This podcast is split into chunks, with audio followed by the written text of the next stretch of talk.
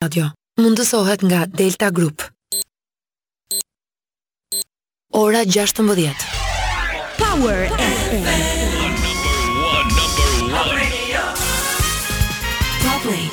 Flash në Top Albania Radio. Informacionet kryesore të ditës.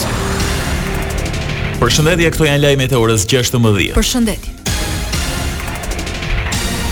Kryeministri Rama lajmëroi sot se do të rritet shumë shpejt paga minimale nga 34000 lekë që është tani. Po bëhen studime për një rritje në 40000 lekë, ndërkohë kreu i qeverisë në daljen e parë pas pesë ditësh mungese dha si arsye gjendjen shëndetësore. Bëni kujdes me këtë flamën gripale që është vërdallë se hoqa vetë dhe realisht s'bo për burrë kur thonë tironsit. Nuk e kam ndalur komunikimin me skuadrën time, sidomos me financat, për disa politika të reja, mbështetëse, duke nisur nga paga minimale tek pagat për disa kategori të veçanta burimesh njerëzore, mbështetja me strehim e mjekëve, ushtarakëve, policëve që kanë një familje të re. Rama pohoi se vëmendje nga qeveria do të ketë për çdo kategori.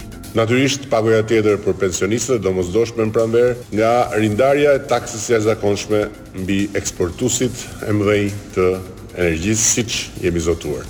Por e dimë që duhet akoma, pa diskutim, duke filluar nga ata që punojnë me pagë minimale në sektorin privat, sidomos ata në prodhim, të cilët duhet paguhen medoemos më shumë dhe sa më parë.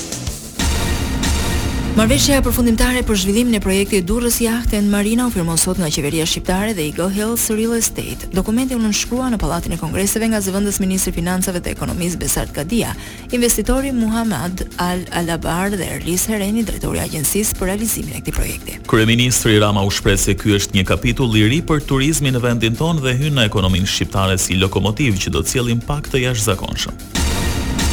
Ka reaguar Partia Demokratike pas deklaratës së kryeministrit Rama për rritjen e pagave dhe akordin për projektin Durrës Yacht and Marina.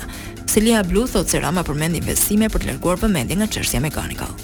Dalja sot e Ramës për të inaguruar në këtë ditë të zezë të tij, punët e zeza në shpinë të Durrësit dhe Shqipërisë, Marinën e jahteve të oligarkëve dhe sejmenëve të tyre, është përpjekja e radhës për ta mbuluar hetimin e FBI-së. ku ai është subjekt i cili i djeg ata që janë përfshirë në të dhe i lë pa gjumë.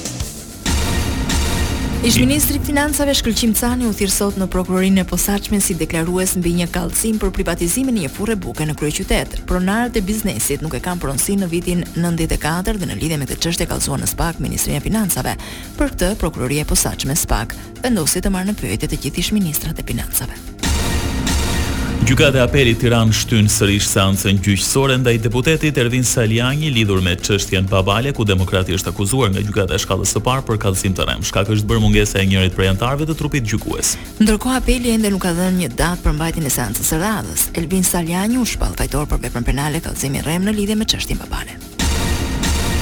Përmirësohet situata në Shkodër, nuk ka banesa nën ujë, ndërsa është reduktuar në një mijë e njëzet hektarë tokë sipërfaqe e përmbytur. Nga shkarkimet e hidrocentralit të Vaut të Dejës, tre ditë më parë ishin njëqind shtëpi me prezencë uji. Më në fund, rruga e fshatit Obot është bërë e kalueshme nga mjetet e vogla, ndonëse me vështirësi, pasi ende ka rreth pesëmbëdhjetë centimetra ujë.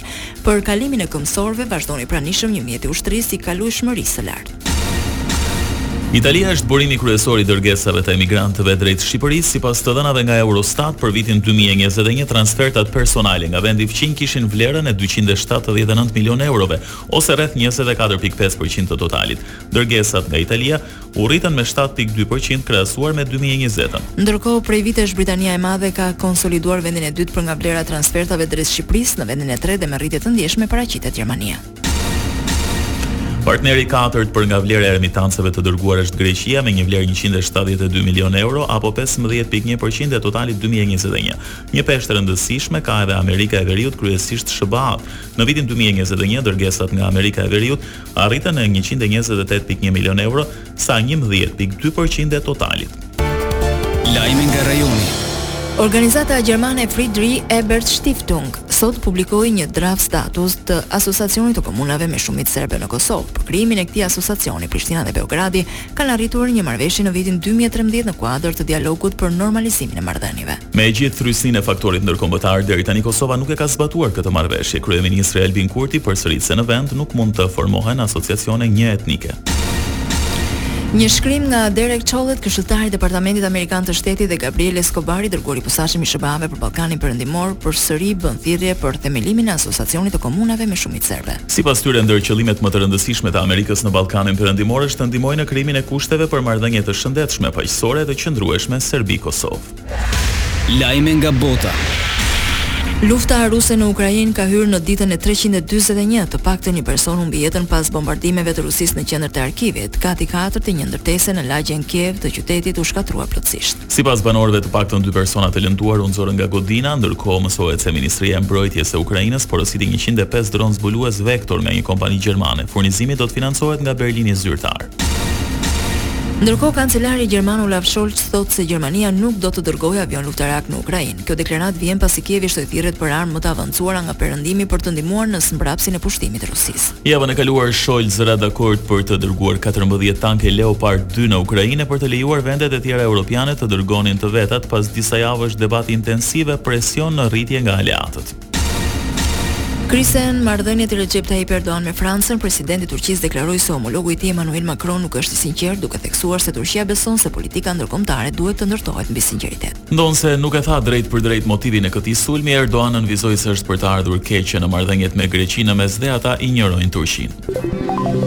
Parashikimi i motit. Vendi ynë do të vijojë të ndikohet edhe orët në vazhdim të mbrëmjes nga masa ajrore relativisht të qëndrueshme dhe të thata me origjinë veriperëndimore, Moti parashikohet me kthjellime dhe alternime vranësirash mesatare dhe heraherës deri të dendura.